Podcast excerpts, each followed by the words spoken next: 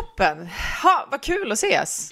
Um, ni har inte träffats. Nope. Um, vill ni göra någon slags kort intro till varandra innan vi kör igång? Why not? Why not? Lars Lingman heter jag och eh, jag har ju då problem med min kamera nu som helt suddig. Så, Också. Det är bara problem med allt nu.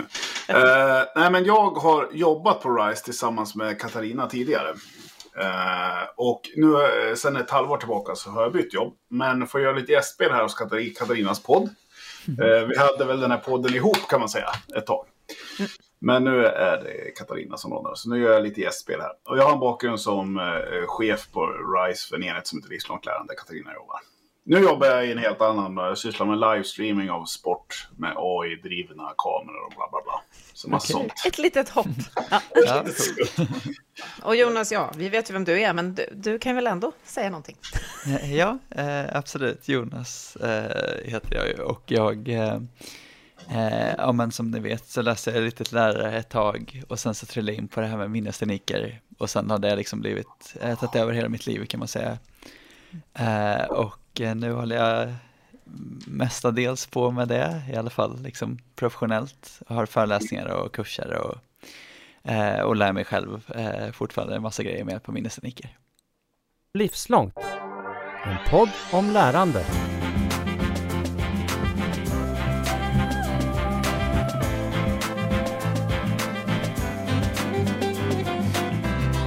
Hörru Lars, du som har fyllt 50 och till och med firat en födelsedag till efter det om jag nu har räknat rätt.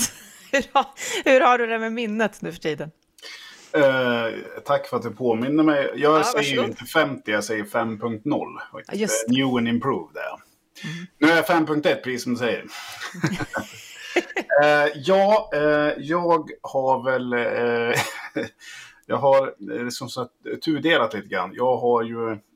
Eh, om man säger, ska man vända sig till min fru ska man säga att jag har ett fruktansvärt dåligt minne för vad saker är och sådana saker. Och även mina systrar brukar liksom skratta åt mig för jag kommer ihåg så väldigt lite av vår barndom. Eh, utan de får liksom återberätta vad jag har varit med om, vad jag har gjort och grejer och sådär. Så jag har generellt sett inte varit någon sån här människa som haft så här jättebra minne så. Eh, men man har hittat lite strategier på vägen. Eh, så har gjort att jag... Som man gör. Som man Som gör. man gör. Eh, så har gjort att jag har tagit mig hit. Perfekt. Du, dra, ner, dra ner gainen. Aha, det slår igenom. Okej. Nu kanske. Ja. Eh, ja, men sjunger du något nu för tiden då? För den uppmärksamma lyssnaren kanske vet att Lars sjöng för oss för länge sedan som en teknik för att minnas. Ja, ja. Ja, jo, men det händer ju. Eh, Jag har ju en liten teknik där som jag tänkte kolla med våran, med vår, vad han tycker om det här, våran gäst idag. Om det här med, Mm. ja men så här, eh, jag lägger nyckeln på fönsterbrädan. Da, da. Så brukar jag göra. Eller ja, jag lägger fjärrkontrollen på toan. Nej, där ska man inte lägga den. Men eh, ja, så brukar Där jag man ska ha den. Ja, jag fattar. Jag Jag har lärt, mina barn som ändå alltid sjunger har jag lärt det där. Så man hör ofta dem där. Stängt, jag har dragit ur plattången. Ja, jag kan inte med ord beskriva i alla fall hur kul det är att ha dig här igen. Lars Lingman, en av poddens grundare, som också då den uppmärksamma lyssnaren kanske har noterat har svävat iväg på lite annat, men nu gästspelar med oss igen. Så himla välkommen tillbaka. Väldigt roligt att vara här. Mm, väldigt kul. Och lika glad är jag och vi över veckans gäst, för att inte tala då om hur glada mina barn är. Det kanske vi får anledning att återkomma till. Men välkommen till Livslångt Jonas von Essen. Tack så mycket. Så kul att ha dig här. Minnesmästare, flerfaldig världsmästare, talangvinnare. Det är där mina barn känner dig. En jäkel på att minna saker helt enkelt. Du, måste bara fråga, du är inte 50. Eh, oroar du dig för att få sämre minne med år? Ehm, det är faktiskt inget jag har tänkt på äh, än. Förrän nu.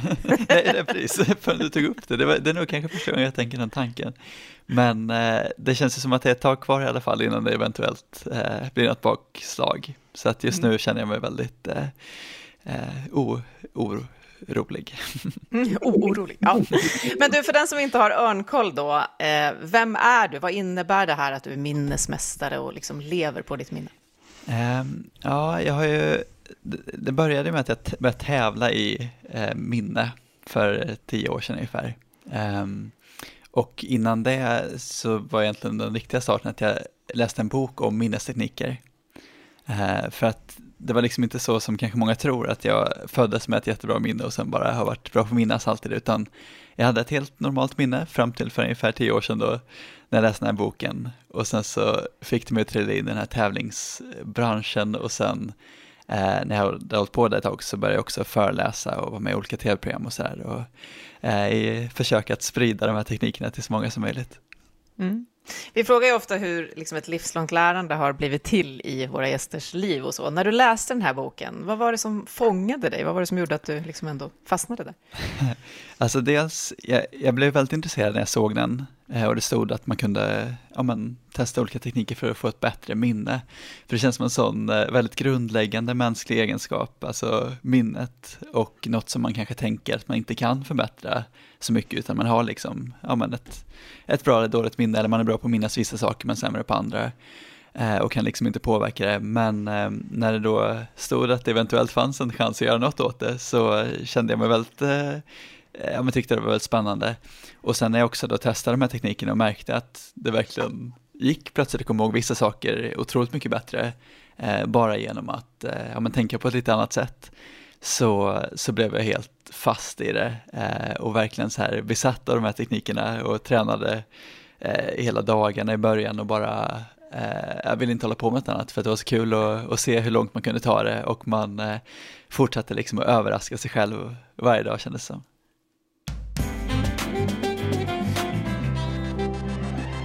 Men idag kan man säga då att du eh, lever på ditt minne. Ehm, det här att liksom tävla i att komma ihåg de här sakerna, hur, hur är det? Kan du beskriva det?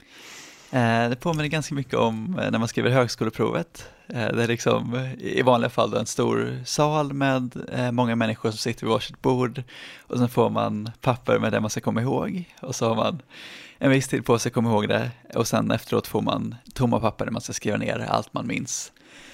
Och så är det tio olika grenar vanligtvis, så att det är till exempel då en där man ska minnas så många blandade spelkort som möjligt på en timme, en där man ska minnas namn och ansikten, en med siffror, eh, ord, eh, påhittade historiska händelser och så vidare. Så det är lite olika grejer liksom, där man då ska, om man försöker minnas så mycket som möjligt på så kort tid som möjligt helt enkelt.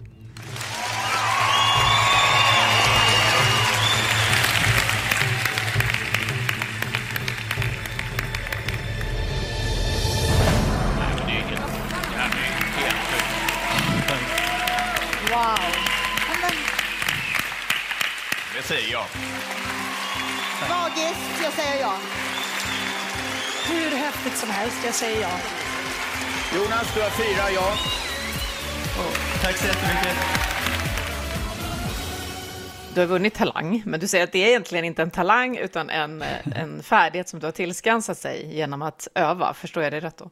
Eh, ja, precis. Jag ska också påpeka att jag kom tvåa i Talang. Just det, det gjorde du. Eh, ja, men det... Här hemma vann du helt uppenbart. ja, jag är väldigt glad att, att ni har den bilden. Det är bra så bra i mitt minne. eh, men jag håller eh, absolut, det är liksom, eh, eh, det är inte någon, alltså, det, jag, jag, har väl såklart en viss talang för själva teknikerna eftersom att jag blev världsmästare liksom ganska snabbt. Eh, men jag har ingen talang tror jag för att minnas liksom på det sätt man brukar tänka på eh, att minnas. Eh, och eh, jag skulle också verkligen vilja säga att vem som helst kan använda de här teknikerna för att komma väldigt långt. Även om alla inte kan bli världsmästare så kan alla bli liksom eh, otroligt mycket bättre på att komma ihåg saker än vad de är just nu. Mm. Lars, vad är hopp för dig eller för din fru kanske? Vad säger du? Ja, ja du tänker så. Uh, ja, men absolut. Ja, men jag tänker att det, eh, det, känns ju tryggt att, att man kan träna upp det här. Sen är man ju liksom, men det finns den där generella oron som du också frågar om här Katarina. Vad händer med minnet med åldern? Man har ju en bild av att eh, liksom, ja, att det, att det blir sämre över tid. Jag tycker inte kanske riktigt att jag har, nu har jag ett ganska dåligt utgångsläge, men jag tycker inte att det blir sämre riktigt än i alla fall. Uh, men man har ju hört sådana om man ska man ska träna sudoku, man ska lösa korsord och grejer och så håller man igång hjärnan och sådär. Eh, men ja, det är intressant att veta om det finns det något liksom grund för att vi faktiskt blir sämre på att minnas saker med åldern? Eller är det liksom någonting vi kan, kan vi kompensera med träning kanske? Mm, ja, det är väl det, alltså jag tror ju, när det kommer till minnestekniker i alla fall, då är det ju verkligen så att ju mer erfarenhet man har och ju eh, Alltså ju mer saker man redan har i huvudet, desto lättare är det att minnas nya saker. Just eftersom att det bygger på att man kopplar allt det nya man ska minnas till saker man redan vet. Eh, och på det sättet så har ju en pensionär en stor fördel jämfört med någon som precis har gått ut gymnasiet till exempel. Eh, det är också på vissa sätt lättare att lära ut minnesniker till äldre personer för att de, eh, det är större chans att de förstår kopplingarna som man, man föreslår. Liksom. Um, sen så blir det väl långsammare, alltså det är väl något som många upplever när de blir äldre, att, att det, det är trögare att få fram liksom, minnena. Ja. Um, men eh, förhoppningsvis så kan man i viss mån i alla fall kompensera det med att ha då en större, större bank och kunna, kunna skapa starkare associationer och, och mer eh, eh, ja, men liksom mångfacetterade associationer. Mm. Nu jobbar jag faktiskt med forskare som har en koppling till minnesforskning, så jag skulle kunna i alla fall försöka svara på just din fråga, Lars, där om att det just krävs att man håller, att det är en färskvara, att du måste hålla det här igång och att det krävs mer än sudoku och korsord, som jag har förstått det. Det krävs i pariteten lära sig ett nytt språk, den typen av saker. Och att man kan se då att man tappar färdigheter, till exempel när man går i pension snabbare, för att du inte underhåller hela tiden med arbetet. Så det får mig då vilja fråga, Jonas, idag när du då lever på det här, hur mycket måste du träna de här färdigheterna hela tiden? Um, alltså på vissa sätt så behöver jag inte träna dem så mycket. Just liksom den här förmågan att minnas snabbt, det är ju någonting som jag har, jag har tränat väldigt mycket på det och när jag tävlade så tränade jag stenhårt liksom som en elitatlet. Um, ehm, men um, och, och, jag skulle säga att det är klart för att hålla liksom i absoluta topptrim så är det väl bra att man tränar liksom varje dag. Uh, men samtidigt så är det lite grann som att lära sig cykla, att när man väl har gjort det en gång så kan man det liksom. Eh, så att jag tror att även om jag inte skulle hålla på med minnesniker på tio år så skulle det gå väldigt snabbt för mig att eh, ja, men bara fräscha upp det liksom och få bort rosten och kunna köra igen ungefär lika bra som nu. Så att just, eh, just den förmågan att memorera mycket och snabbt, den tror jag den är liksom upptränad nu och kommer hänga kvar där. Sen är det klart att när jag lär mig saker så måste jag ju som alla andra repetera dem ibland för att få dem att sitta. Eh, Så att fortsätta komma ihåg det som man har lärt sig, det, det kräver ett visst eh, underhåll. Eh, eh, Ja. Jag blir så intresserad när du säger att ja, men som, som idrottare och så vidare, att du tränar. Så jag tänker så här, får, får du träningsverk? var frågan som kom. kom. I hjärnan. liksom, hur, liksom, hur ser ett pass ut? Kör du liksom intervallträning? Eller liksom, vad, hur, hur, går det till? Ja, ja, väldigt bra fråga, eh, väldigt intressant. Eh, alltså det är lite olika, jag brukade varva liksom sådana här lika lång maratonpass, alltså att man sitter och memorerar, eh, ja, men som den här grenen då, en timme kortlekar. Då, de, dels sitter man och memorerar kortlekar i en timme och sen har man två timmar på sig att sortera eh, vanliga kortlekar i samma ordning som de man memorerade. Så det tar liksom tre timmar att köra ett sånt pass. Och det är väl lite maratondelen. Och sen så körde jag samtidigt också väldigt så här snabba, att bara försöka memorera, ja men kanske 20 spelkort så fort som möjligt. Eh, för att också få upp hastigheten. Eh, och så varvar jag mellan det och det är väl lite typisk eh, idrottsmentalitet eh, liksom, att varva mellan långa och korta pass. Men jag tyckte inte att jag fick träningsverk så mycket utan det, det är en liten fördel också, beroende på hur man ser det, men med just att träna på sådana här hjärnrelaterade saker att, att jag hade ju inte kunnat hålla på med, jag vet inte, löpning, alltså om jag trä- tränar på, På samma sätt liksom. Nej, nej, liksom utan stopp. Eh, men med minnesting så kändes det som att jag hade kunnat träna hela dagen eh, egentligen. För att det är inte heller så ansträngande som man kan tro. Alltså, om man bara skulle sitta med sitt vanliga minne och försöka komma ihåg ordningen på, på kortlekar, liksom, eh, då skulle det vara väldigt ansträngande och man skulle antagligen inte kunna hålla på med det så länge. Men med de här teknikerna, då handlar det om att man, man egentligen byter ut korten mot, eh, mot bilder istället och så ser man dem som en eh, historia eller en, en, som en film nästan på en, en lång promenad. Vilket egentligen inte kräver så mycket liksom stenhårt fokus utan det är mer som att kanske måla en tavla eller eh, kolla på film liksom. Eh, så att det, det är lite ansträngande men det är också ganska avslappnande samtidigt. Och det gör att man kan hålla på med det väldigt länge utan att eh, det blir så jobbigt för hjärnan.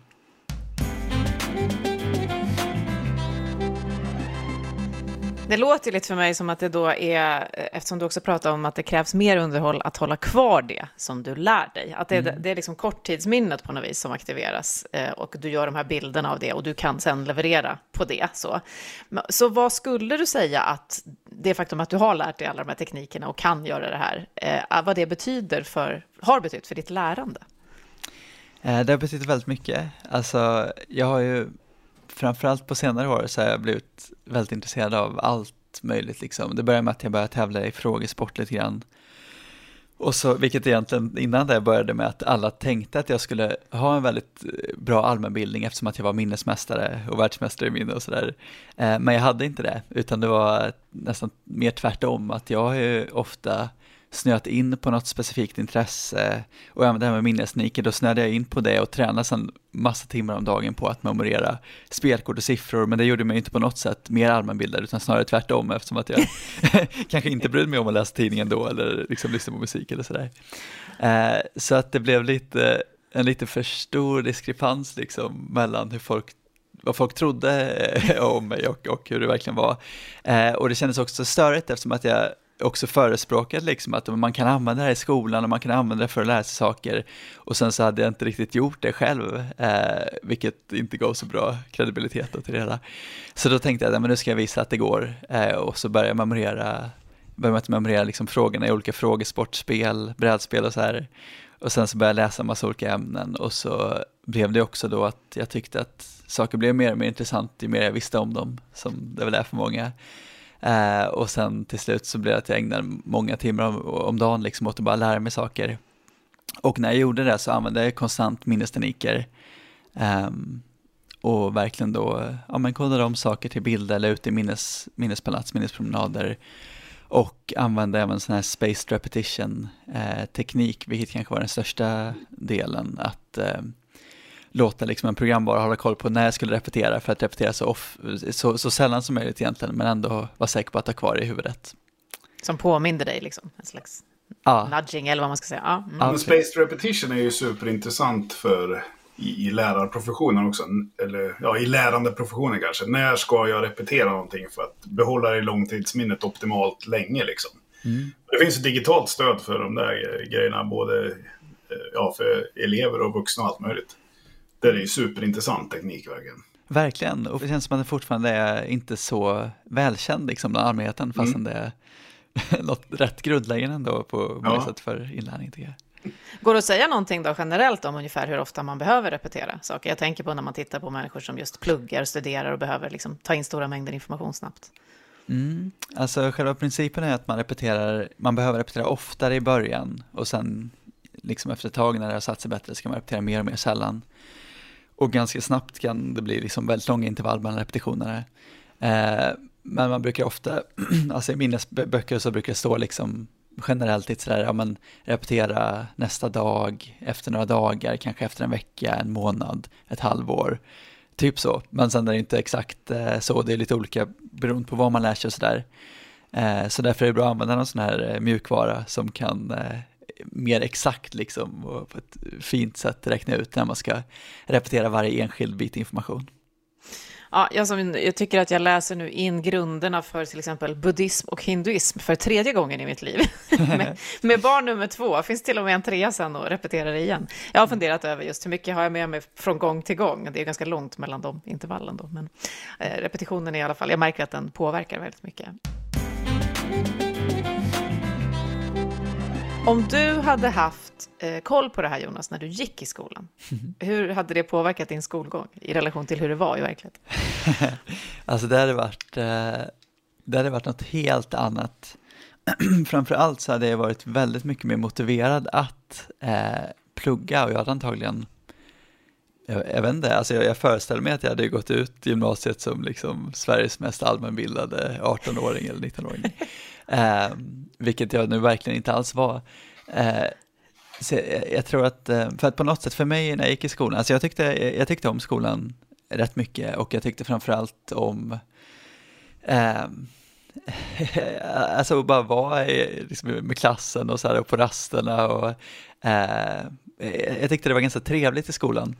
Men sen framförallt på högstadiet och gymnasiet så blev jag väl mindre och mindre motiverad att att plugga liksom. Dels för att det fanns mycket annat som jag var mer intresserad av, men också för att jag kände att jag, alltså jag kan lära mig här nu till det här provet, men jag kommer ändå glömma bort det eh, om några månader liksom.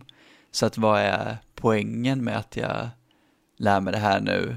Um, och det fick mig egentligen att, att, plugga mindre och mindre och mindre fram till att jag tog studenten.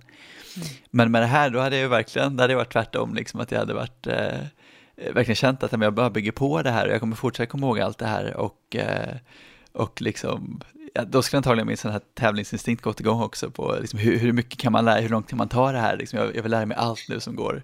Eh, vilket var något som jag upplevde sen lite senare då när jag hade lärt mig teknikerna. Mm. En fråga där, vad tror du om man, om man skulle säga så här, um, om alla elever fick uh, eh, 15 minuter minnesträning i veckan i skolan, mm. skulle det göra skillnad? Eh, jag tror, nej, jag tror att alltså, om man skulle få det från början så skulle det göra väldigt stor skillnad. Eh, mm. Problemet är väl att de flesta inte känner till liksom, att det finns sådana här sätt att plugga på. Eh, och om man då skulle bara introduceras till det och sen bli påminn om det, alltså lite grann varje vecka, då tror jag att eh, det, det, skulle, det skulle betyda väldigt mycket för att sen är det ju inte, just att, bli, att få den här träningen i minnesniker, det är ju liksom en sak det, som går rätt snabbt egentligen. Det, det, finns inte hur mycket som helst att säga om minnesniker, utan det är en liten eh, samling metoder mm. som man ganska snabbt kan få in. Sen är det väl att använda dem då kontinuerligt eh, och känna att man man verkligen kommer in i det och att det blir naturligt för en. Eh, det kräver ju mer tid, men det är ju någonting som man då skulle kunna göra i, eh, alltså när man pluggar i alla de andra ämnena eh, utanför det här minnesteknikämnet. Och eh, förhoppningsvis skulle det räcka då med de här 15 minuterna i veckan för att eleverna sen skulle använda det när de pluggade i övrigt då eh, hela tiden och det skulle ju bli bra. Det är så himla intressant, jag har jobbat i skolan i många år och vi hade ju mycket, jag var ju, gick ju till och med utbildning i studieteknik och vi hade utbildningar i studieteknik. Eller för, men vi, jag har inget minne överhuvudtaget om att vi pratade om minnesteknik i mm. de sammanhangen. Mm. Vilket ju är, det känns jättekonstigt nu. Ah. Hur kan vi ha studieteknik utan att prata om minnesteknik? Det känns ju jättekonstigt. Ja, nej, det, det, är, ja, precis. Det är svårt att, mm. att fatta. Och jag, och jag, ända sedan jag läste om de här tidningarna första gången så har jag känt liksom att man kan inte fatta hur det här inte kan vara mer känt. Eh, mm. Alltså när jag läste den här boken, då var jag det, det kändes på något sätt som, som, en konspiration, liksom, att det här har funnits hela tiden. Men det är ingen som har velat berätta det för mig, liksom, ingen lärare, ingen har så här, någon har velat hålla det här hemligt. eh, för att så fort man får reda på det så vill man ju bara att alla ska, man tänker så här, åh alla måste testa det här, alla måste känna liksom hur fantastiskt det här funkar. Mm. Men, nu känner jag nästan, du nämnde ju några grejer som minnespalats och minnespromenad. Nu måste du nästan berätta lite grann, hur, mm. hur, hur, hur gör man? Vad är det här för någonting? Jag har faktiskt, jag tänkte just på det, min, min tioåring har då skickat med en fråga. Hon är väldigt matteintresserad och hon har väl ganska bra minne, tänker jag mig så. Men eh, hon, hon sa då så här, hur gör man när man lär sig hundratusen decimaler av pi? eller till pi då. Eh, och det relaterar väl till den här frågan, hur ser det ut en sån här promenad eller ett palats eller så? Det har man ju hört lite abstrakt, fast det inte har funnits med så mycket just i relation till lärande, men ändå. Berätta. Mm. Eh, ja, det är alltså, det är egentligen ganska enkelt när man väl sätter sig in i det. Sen kan det låta konstigt, det är väl kanske det också som är ett, ett hinder för att få det att spridas, att det låter så eh, Alltså om folk hör om de här minnespromenaderna och palatsen och bilderna, det låter så konstigt. Så att det är svårt att tänka att det är någonting som man kan använda, som vem som helst kan använda liksom, och att det ska vara till nytta. Så man måste nästan pröva det för att verkligen fatta att det funkar. Men idén är i alla fall att man, man på något sätt eh, kopplar det man ska minnas till bilder. Eh, för att det, det, är lättare att jobba med bilder då i de här minnespalatsen. Så att man, man gör om det man ska minnas. Om man ska minnas eh, Ryssland så kanske man tänker Putin eh, som en bild av Putin liksom. Och eh, Kanada kanske blir ett lönnlöv, liksom bara något, något som kan symbolisera den här eh, den här saken då. Och sen så lägger man ut de här grejerna på en promenad som man föreställer sig i sitt huvud. Man brukar börja med sitt eget hus, liksom att man tänker sig att man liksom är inne i, i eh, ett rum i taget och huset och så lägger man ut de här bilderna eh, på olika platser där. Putin kanske sitter på köksbordet och så är det ett lönnlöv i diskon. Så där. Eh, och och det, låter, det låter så konstigt, liksom. men, men just det här med att man kopplar en bild till en plats, det är väldigt eh, effektivt. Och eh, de här bilderna fastnar ofta dels riktigt snabbt och sen så sitter de kvar där länge. Alltså om man en gång har tänkt sig Putin liggandes på ens köksbord, eh, då kommer han dyka upp nästa gång man tänker på köksbordet. Även om det går liksom... Det kommer nu att hända. Ja. Och speciellt sen när man har kommit in i det och verkligen ja, man kan se de här bilderna eller tänka sig dem kanske ännu tydligare än, än i början, så, så kan man liksom lägga ut alltså, kanske hundra sådana här bilder på rad och sen minnas dem eh, på en gång. Men det, det är så himla intressant, för du har en fantastisk film på din hemsida om hur man ska minnas de, de tio största länderna, eller hur? Ja, ja, Ja, och då har man ju ett ruskigt monster på huvudet, Ryssland. Och så har man lönnlöv i öronen, Kanada. Och så har man en hamburgare i ögat, USA.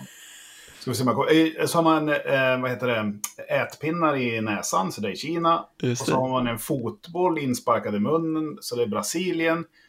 Man har en känguru som hoppar under hakan. För det alltså det var, alltså, jag tänkte, men var, varför räcker det inte bara med att tänka liksom, det ruskiga monstret och, och lönnlövet? Och liksom, men det, det, det är som du säger, det är någonting med placeringen också då förstås. Ja, ja precis. Det, det är ju Ja. otroligt mycket. Eh, och framförallt, det, här, det är ett bra exempel det här med de tio största länderna som man då lägger ut på kroppen. Att om man skulle be någon så här, ja, men kan du ko- komma ihåg den här listan med tio, eh, de tio största länderna? Eh, då skulle det antagligen kännas nästan övermäktigt, så här, att man skulle, man, man skulle liksom komma ihåg ordningen på de här och det är så lätt att blanda ihop två stycken och så. Eh, men när man gör den här övningen, då tar man ju liksom bara en plats i taget. Så här, men tänk dig nu att det sitter ett monster på ditt huvud. Bra, strunta i det nu, gå till öronen. Tänk dig att det sticker ut ett lönnlöv ur ditt öra. Eh, och just det här med att man bara behöver tänka på en sak i taget, eh, det gör ju att det dels känns mycket lättare och också att det, det blir mycket lättare för att för, för man behöver liksom inte se allt på samma gång, utan en sån här koppling är ganska lätt att göra. Eh, och tio kopplingar är liksom inte så mycket svårare att göra än en koppling, och hundra kopplingar är inte i sin tur speciellt mycket svårare egentligen. Nej, Jag kände verkligen när jag tittade på att ja, men det här fastnar nog lite grann på något. För, så nu, det var lite Vi test hör ju att- det. Att jag skulle återberätta det för dig nu, för det var ju en och en halv timme sedan. Det satt ju verkligen där. Liksom. Och sen var det väl armarna, man hade såna här eh, fyra armar här på sidan som då skulle påminna om eh, hinduismen och Indien och sådär. Ja, ja precis. Eh, Ja, jag tänker när ni pratar om det här väldigt mycket då på ett annat av mina barn som alltid har varit väldigt visuell och sitter och ritar eh, på genomgångar. Hon tycker långa genomgångar är väldigt jobbigt, hon sitter och ritar och så. Och hon blir ju ifråntagen det här hela tiden i skolan. Rita inte, kladda inte, lyssna och så vidare. Tänker att det finns saker att göra här och du var ju lite inne på det Jonas. Du var ju lite inne på att bli lärare eller jobba som det. Och du Ja. sökte utbildning och kom först inte in, läste jag någonstans. Eh, ja, Något förvånad. ja, precis. Det var... Det här var det är en eh, lite invecklad resa där. För, för, jag, först sökte jag eh, innan jag kände till minnesniker och kom in och gick eh, eh, ett och ett halvt år. Sen så började jag med de här teknikerna och tävlade sådär och då hann jag inte med studierna eller jag, jag ville eh, lägga all min tid på att att minnas saker istället. Så att, ehm, men sen några år senare så sökte jag in igen och då så var jag ju liksom redan lite så här, ja, att jag var världsmästare i minne tror jag. Jag hade eh, 2,0 på högskoleprovet och det var det jag sökte med. Eh, så att jag var helt säker på att jag skulle komma in för att jag har inte varit Ja, jättehög. högsta resultatet i Sverige var det väl till och med? Eh, poäng, ja, ja jo, det, det lyckades jag få sen också. Ja. Eh, och, men då kom jag inte in, eh, men det var egentligen bara, alltså det blev som en stor grej, liksom, men det, det var att de hade så få platser på den, eh, jag tror de tog bara in en person till den kombinationen jag ville läsa som var eh, matematik och historia. Och den första personen de tog in, då tog de från, eh, liksom på betyg. Och jag hade ju inte så jättebra betyg, men jag hade ju bra på högskoleprovet. Så att om de hade tagit en till, då hade de ju plockat från högskoleprovspoolen och då hade jag kommit in. Men eh, ja, sen, sen kom vi ändå roligt. in. Lärare med kombinationen, alla så här, rektorer och biträdande rektorer som schemalägger, de fick så Gud, tänk att ha en lärare som har kombinationen matte och historia. Det är en mardröm att schemalägga nämligen. ja, ja, ja, jag Så förstår. var det därför. Man vill gärna ha matte och NO ihop eh, och, och SO-ämnena i en klump. Så här, ja. Ja, Man vill ju ha ämnesöverskridande, det är ju det bästa på alla sätt. Ja. Välkommen tillbaka Jonas! Tack.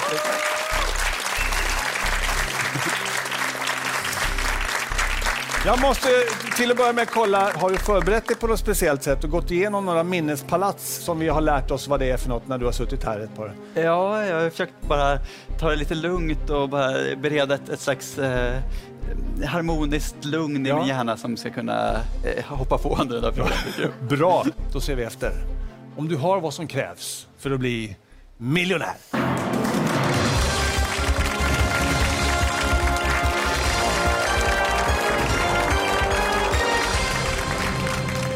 Femtonde frågan. En miljon. Jag vill veta. Vilken arkitekt ritade de indiska delstaterna Punjabs och Haryanas huvudstad Chandigarh som uppfördes på 1950-talet? Le Corbusier, Jörn Utzon, Ralph Erskine eller Oscar Niemeyer. Vad i frågan väcker några minnen? Eh, ja, jag tror att jag börjar med att ringa en vän. Okej, vem ringer du? Eh, David. Har han Resa. bättre förutsättningar att kunna det här än vad du har? Han är väldigt eh, allmänbildad. Eh, Okej. Då ringer vi. Hej David, Rickard Sjöberg, Postkodmiljonären här. Nej men hej! Du, vi, vi sitter i en jättehäftig situation här i studion. Det är så att Jonas har tagit sig upp till miljonfrågan. Ni har 30 sekunder på er och era 30 sekunder börjar nu. Eh, David? Ja. Ja, eh, eh, nu kommande lördag, har du något speciellt för dig då? Ja, jag förväntar mig att du bjuder på fest när du pratar på det sättet. Eh, ja, jag funderar på att bjuda in till ett litet kalas och du kanske kan be Ludde och Adam och Daniel och de andra att de kommer också så kanske vi kan köra lite frågesport och... Ja, men vi kan väl överväga det. Ja, Det låter väl trevligt? ja, ja men då är du varmt Fan vad välkommen. gött Jonas!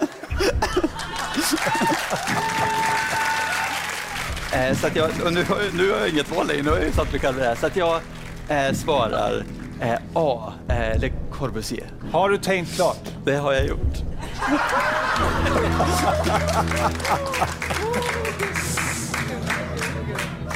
Börja jubla hörni, för det är rätt svar att du har miljon!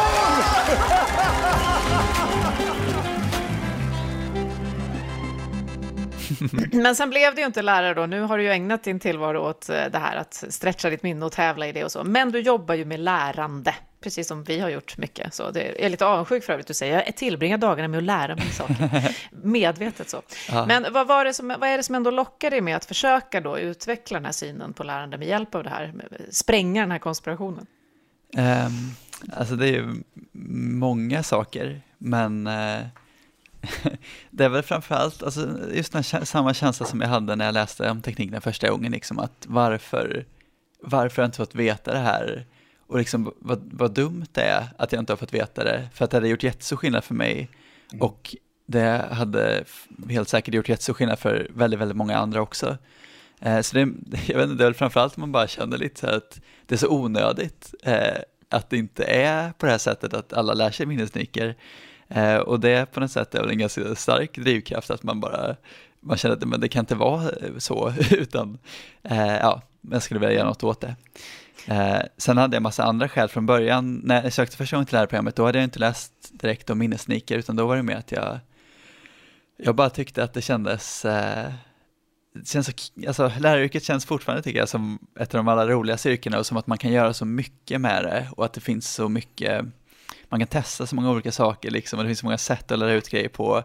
Eh, och jag tycker också det är väldigt roligt att försöka fundera över hur man kan göra någonting så roligt och engagerande som möjligt eh, och verkligen försöka göra så här riktigt ja, men, spännande lektioner och få, få eleverna att få upp ögonen för sånt som man själv tycker är intressant och liksom ehm, för det känns också som en tråkig grej, att det känns som att det är så många som tycker att skolan är tråkig och att många saker är ointressanta, som jag också tyckte med många ämnen när jag gick i skolan, att, att jag inte alls var intresserad av det. Men nu i efterhand när jag läst om det och liksom på egen hand eh, skaffat mer kunskap om det, då tycker jag plötsligt att det är superintressant. Eh, så att jag fattar ju att det har ju varit intressant hela tiden egentligen, men det har liksom inte riktigt nått fram till mig. Och då känner man att det är också synd, man skulle vilja att det når ut till alla, att alla får chansen att fatta hur, hur kul det kan vara med eh, att lära sig saker. Ja, det är egentligen det jag tycker är mest fascinerande i det. För det första hör vi ju, eller hur Lars, att du skulle behövas i skolan. Det är ingen uppmaning, det är bara en observation. det andra är att det är väldigt intressant det du pratar om, just att den här ändå repetitiva, det som man kanske själv kände, så ska jag sitta här och repetera in multiplikationstabeller eller glosor eller vad det nu kan vara, att det kan leda till högre motivation. För det ser vi ju idag att vi liksom har lite problem med. Det är ju sånt som folk frågar mig om hela tiden för vuxna. Hur ökar vi motivationsgraden för lärande? Eh, när du ger de här, du har ju då kurser på din sida och du träffar, du föreläser och så, vad får du för respons, Jonas? Eh, alltså nästan alltid väldigt, väldigt bra respons. Sen så är det ju, när jag har föreläsningar och så, jag hinner liksom inte, alltså jag går igenom teknikerna och folk får testa det. Det blir ungefär som när jag läste boken första gången, att man är så här, wow, herregud, det här är ju helt, helt sjuk liksom. Och, och det känns efteråt som att alla, alla tycker som jag då, så här, bara, ah, det här, varför lär man sig inte det här i skolan och det här ska jag ta vidare till mina barn, är en vanlig eh, grej. Och det gör de säkert ofta. Eh, men det är väl nackdelen då med att, vara, att föreläsa istället för att ja, vara lärare och jobba kontinuerligt med någonting, att det är svårt att se sen vad som händer efteråt. Liksom. Eh, jag antar att en del av de här personerna fortsätter med det här, men för många kanske det blir bara så här, åh vad coolt det här var, och sen så, så glömmer man bort det lite grann och fortsätter med sitt liv som, som det är med mycket. Man gör som man alltid har gjort det. Ja. Eh, men det är, det är lite annorlunda med den här minneskursen som jag har nu på hemsidan. Eh, för då är det ju folk som, som ja, men köper den och sen går de den liksom under en längre tid. Eh, och det känns väldigt bra för då, då, då kan de verkligen lära sig det här och man vet att de kommer antagligen gå hela det här och då har de hållit på med det så länge så att då tror jag att de kommer fortsätta med det sen också. Och därifrån dem får jag också jätte, jättefin respons. Det, det, det, jag, jag hoppades ju, eller min, mitt mål är att nå ut till liksom alla med den. Eh, och det, jag har nått ut till många, men det känns som att jag framförallt har, har nått pensionärer, så här, väldigt många pensionärer som går kursen. eh, och som tycker att den är jättekul. Liksom. Eh, de har ju äntligen tiden att lära det de vill. Ja, precis. Dem. Exakt, så jag känner det. Jag hoppas att, att det kan fylla många pensionärers eh, pension. Men sen så på lång sikt så vill jag framförallt få ut den i skolor och sådär, för det är kanske det som den kan göra allra störst nytta, om man tänker så. Men det, det var det jag tänkte, om, om vi går tillbaka till det där exemplet, man kommer ihåg de här länderna, de största länderna och så vidare. Nu har jag ju den här minnespromenaden i huvudet här, där jag går igenom mm. kroppen och det ruskiga monstret och Lundlöven och hamburgaren och bollen och sådär.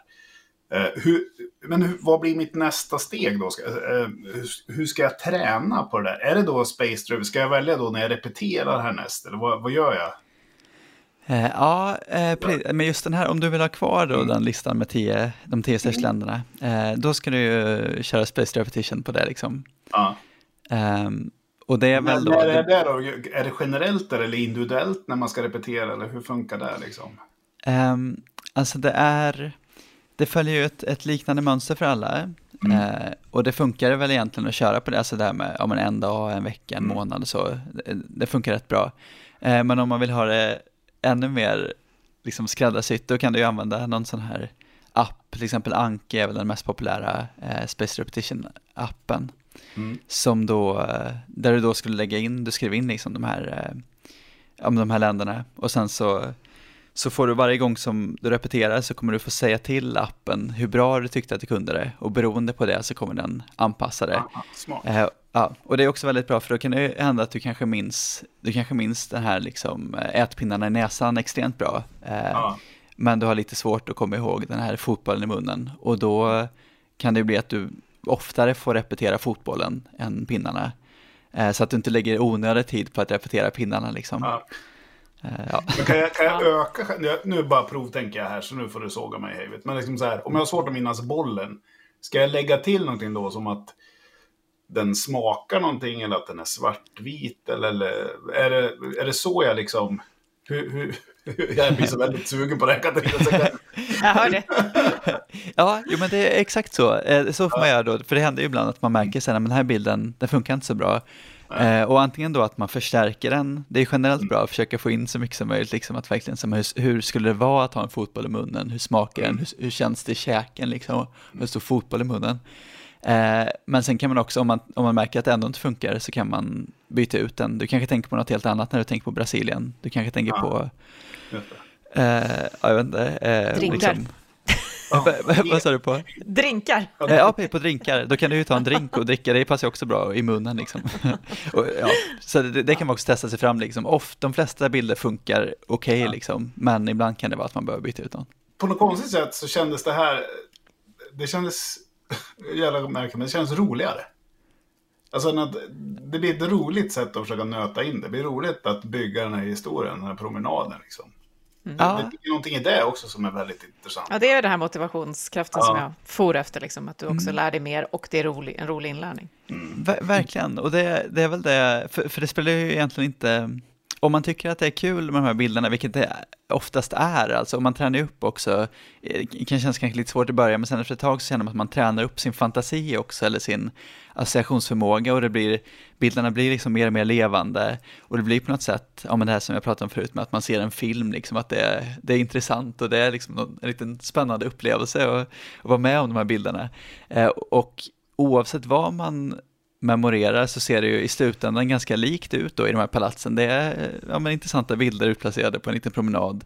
Så att även ämnen som man kan tycka är extremt tråkiga eh, kan ju bli roliga eftersom att den här delen är kul då oavsett vad, vad det är som ligger i grunden.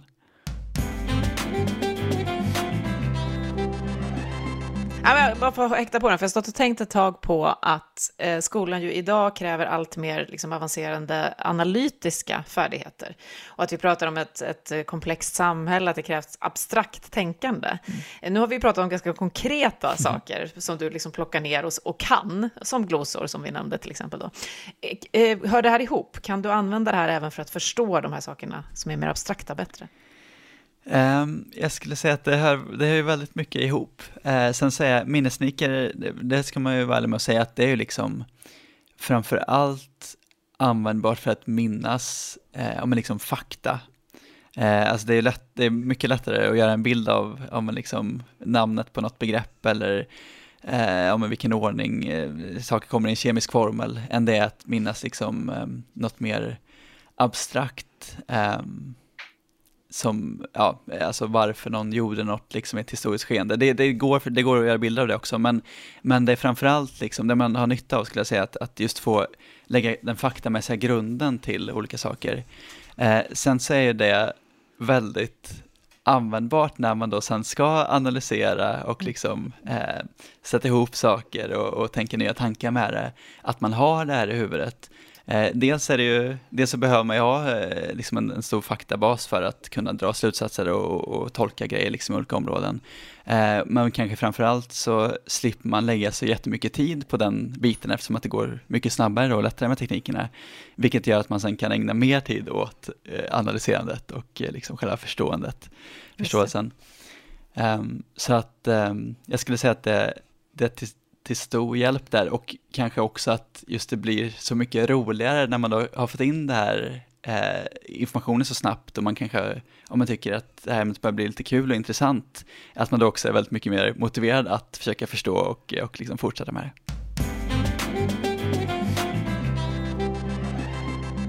Vad är ditt så typ, eh, vad ska man tycka, äldsta minnespalats som fortfarande fungerar? Typ? Har du något, alltså vad är, eller minnespromenad liksom?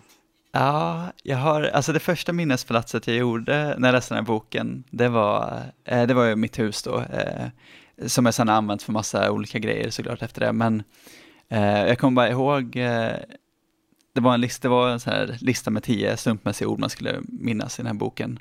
Och jag, jag minns fortfarande väldigt tydligt att det var en diamant i hallen och en giraff i trappan.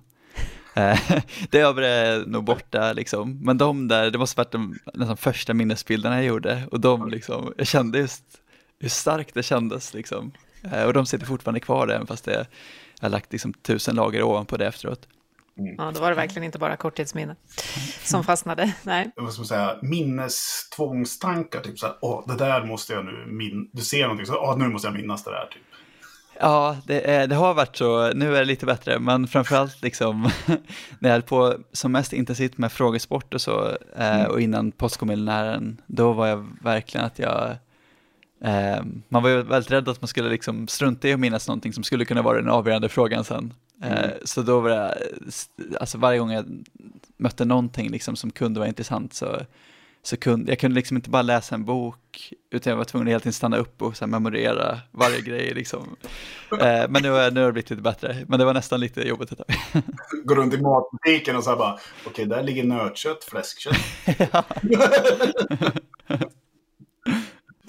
Ja, fantastiskt roligt och extremt lärorikt att prata med dig, eh, Jonas. Och eh, jag tänker bara, när det här avsnittet sänds så är det faktiskt precis vid skolstart, har vi tänkt. Så har du någonting till avslutningsvis att skicka med då? Alla elever som bara, nu går jag in ytterligare ett år och jag vet att det är pressande med all kunskap som ska tas in. Nå några sådana här crash course-tips. Ja, alltså jag skulle säga framförallt läs en bok om minnestekniker, liksom, eller kolla på mina YouTube-videor eller sådär. Eh, men det finns också massa böcker på biblioteket och jag har också skrivit några, men det finns, de flesta innehåller ungefär samma sak. Eh, och jag skulle säga att det verkligen är om det man ska göra, för då, då har man då kan man liksom ta lite tid på sig, träna på det, komma in i det, få exempel, så att man verkligen fattar att det funkar.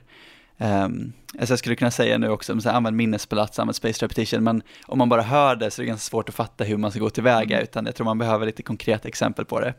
Eh, men det finns många sådana, på, även på min Instagram, uh, Instagram-konto och sådär. Så att det, det går att hitta. Så sök, sök på minnesnicker och eh, sätt igång, liksom, träna lite på dem.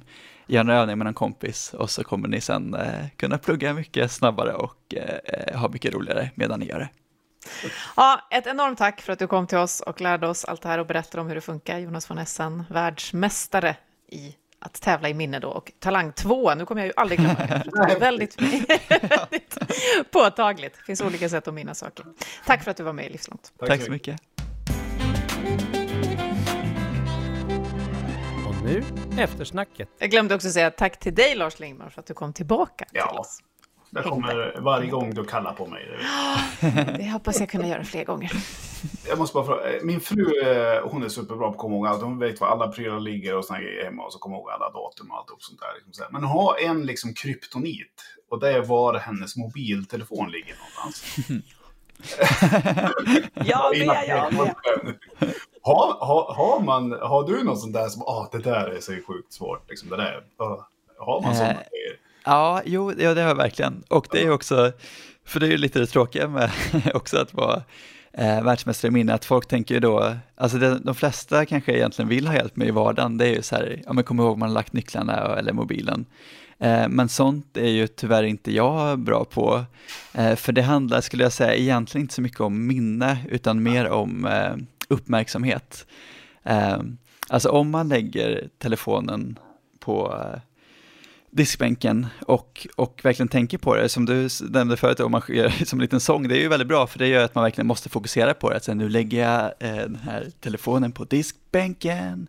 Eh, då, då är man ju säker på att man har noterat det och då kan man ju minnas det. Och jag, menar, jag skulle ju kunna göra en minnesbild av det och minnas det superlätt såklart. Det var jag lagt liksom tusen saker om jag gjorde det medvetet.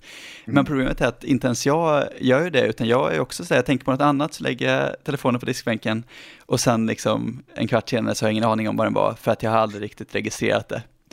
Eh, Så tyvärr så, så kan jag inte hjälpa till så mycket där. Det finns här jättebra hjälpmedel som jag har på allt nu. Nu håller jag upp en liten bild här. Det här är mina airpods. På dem sitter det en liten bricka som man kan pinga. Ja. Ja, ja vad bra, det är ju, det är ju Efter att ha tappat bort tre par så får man göra sånt istället. Då får man ta hjälp av tekniken. Men när, när glömde du någonting senast som du blev så, ah, som du är så irriterad över? Liksom? Det är ändå kul att veta minnesmätaren. Vad glömmer han? Ehm, ja, men det, det, var, här, det har hänt flera gånger, men eh, för, inte, för några veckor sedan också, så när jag åkte från, ehm, det är ganska vanligt när jag åker från minnesföreläsningar att jag glömmer laddsladden till datorn. Jag med. Skönt att höra. ja, man är ofta lite upprymd efteråt, sen sitter den kvar och så är det så pinsamt om man måste skriva så här, liksom skicka faktura och samtidigt skriva så här, ja, jag skulle jag, jag tror jag glömde laddsladden.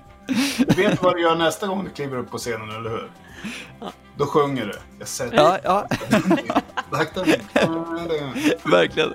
Men sen är det också att man måste tänka på det då, just när man går därifrån. Det är nästa steg liksom, som också är svårt att, att göra eh, medvetet.